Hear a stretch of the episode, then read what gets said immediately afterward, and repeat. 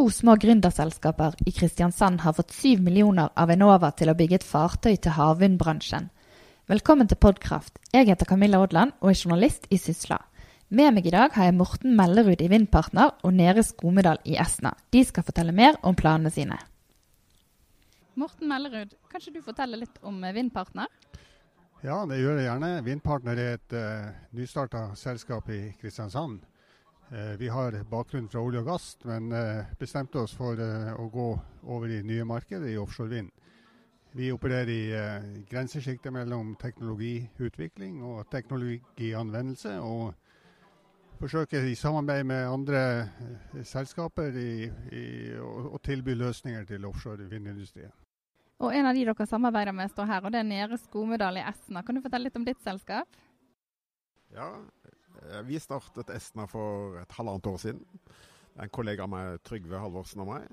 Vi er skipsingeniører med 35 års erfaring innenfor skipsbygging og skipsdesign. Og sånt. Og vi fant ut at vi ønsket å starte et eget starte et skipskonsulentselskap med fokus på fornybar energi og spesielt offshore vind.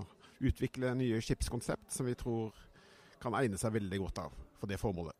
Ja, og Da snakker vi om et fartøy inn til uh, havvindbransjen. Kan du fortelle litt om det, Neri? Ja, uh, Det er jo en veldig stor utvikling Det er en veldig stor utvikling innenfor uh, offshore havvind. I dag er det kanskje mer enn 4000 offshore vindmøller installert bare i Nordsjøen.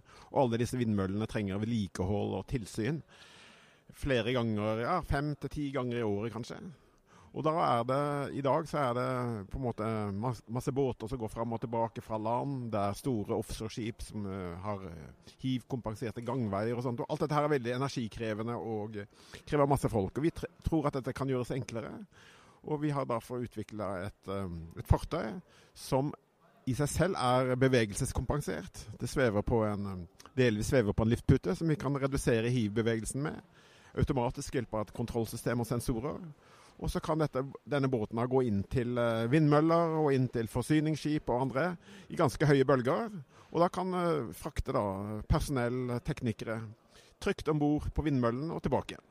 Og til utviklingen av dette fartøyet har dere nettopp fått støtte av Enova? Ja, eh, Vindpartner har fått støtte fra Enova for å ta i bruk denne teknologien og prøve den ut ca. 7 millioner kroner. Og eh, ja, det er veldig spennende. Og hva blir neste skritt nå, da? Ja, Det vi fokuserer på nå, det er å eh, eh, få på plass en kontrakt, en kunde som er interessert i å, eh, å eh, bruke denne båten. Eh, vi har Prosjektet er for så vidt ferdig. Det, Esne har lagd design som er godkjent. Vi har finansiering på plass, i hvert fall kontroll over den. Så det å få en kontrakt på denne båten er det viktigste akkurat nå. Og i det øyeblikket det er, er på plass, så starter vi bygging av den. Ja, for de syv millionene de holder de til at man kan sette i gang og bygge? Nei, vi er avhengig av, eh, av eh, privat kapital i tillegg til det. Og det har vi kontroll på. Men så er det litt sånn høna og egget. Altså vi, vi får tilgang på den kapitalen når vi har en kontrakt.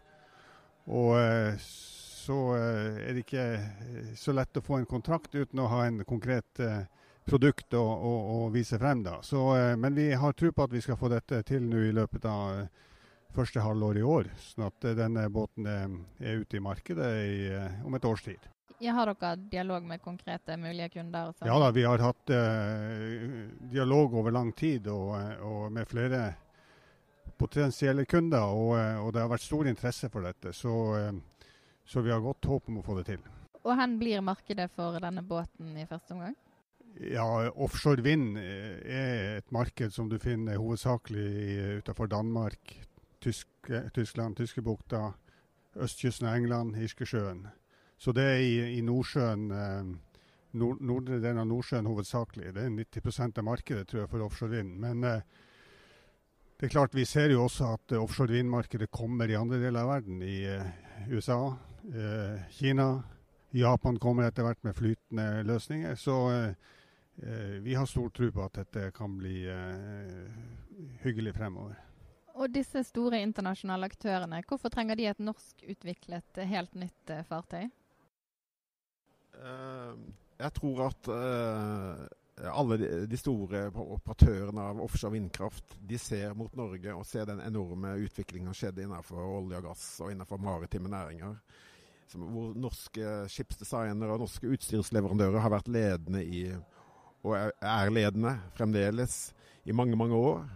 Og de ser mot Norge, og de ser at, også at norske rederier og norske operatører og norske ut, utstyrsleverandører tar stadig økende markedsandeler, særlig innenfor det som er maritime operasjoner. Da. Slik at å komme med et norsk konsept tror jeg gir stor eh, troverdighet og har tillit i, i markedet. Og Hvorfor har dere valgt å satse på offshore vind? Eh, det har uh, flere årsaker til det, men uh, vi, vi, der jeg kom fra en tidligere arbeidsplass, jobbet jeg med noen prosjekter innenfor offshore vind og så, så ganske store muligheter da, for å utvikle nye konsepter og nye forretningsmuligheter innenfor det. da. Og Har dere tro på at det kommer til å bli et uh, norsk hjemmemarked for offshore vind på sikt, eller? Ja, før eller siden, muligens. Det, altså, I Norge så man jo, er man så heldig stilt at man har eh, relativt god tilgang på fornybar energi gjennom vannkraft og, og for så vidt også andre energikilder. Eh, det som man er avhengig av for å få en eh, et stort marked i Norge, for dette er flytende løsninger for, for eh, vindmøller. Eh, sånn som det er nå, så er alle eh, vindmøller offshore de er bunnfast. De står på relativt grunt vann. I Norge har man ikke områder som egner seg for det, og man er avhengig av flytende løsninger. Vi vet at Statoil forsker mye på dette. Det forskes også mye i eh, Japan på flytende løsninger, som har noe tilsvarende kyst som, som vi har. Så det kommer nok flytende løsninger etter hvert, og da kan det muligens også bli en utbygging på det i, i Norge. Men det er ikke noe dere er avhengig av et eh, hjemmemarked for å få dette her opp og gå? Nei, vi er ikke det. Det er klart det har vært hyggelig om vi kunne hatt et hjemmemarked, men, eh, men eh, akkurat nå så, så, har vi ikke det markedet. Og eh, markedet er, veldig stort internasjonalt. Så, så eh, hvis vi får eh, til noe i de områdene jeg nevnte, Nordsjøen utenom Norge, da, så, så, er det et veldig stort marked for oss i overskuelig fremtid. Og du kan jo se at Kristiansand, Kristiansand ligger jo helt sentralt i Nordsjøen, så Nordsjøen er egentlig vårt hjemmemarked. Så nå er vi her på Enova-konferansen og har fått vite at dere har fått bl.a. Enova-støtte. Hva betyr offentlig støtte som dere får for dere?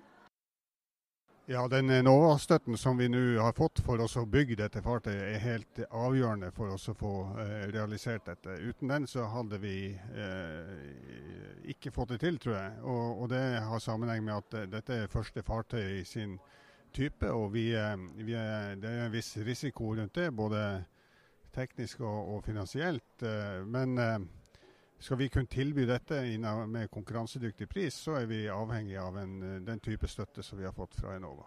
Og nå blir det noe av, det er du overbevist om? Ja, det er jeg helt overbevist om. ja. Og hva er planene deres videre nå, da?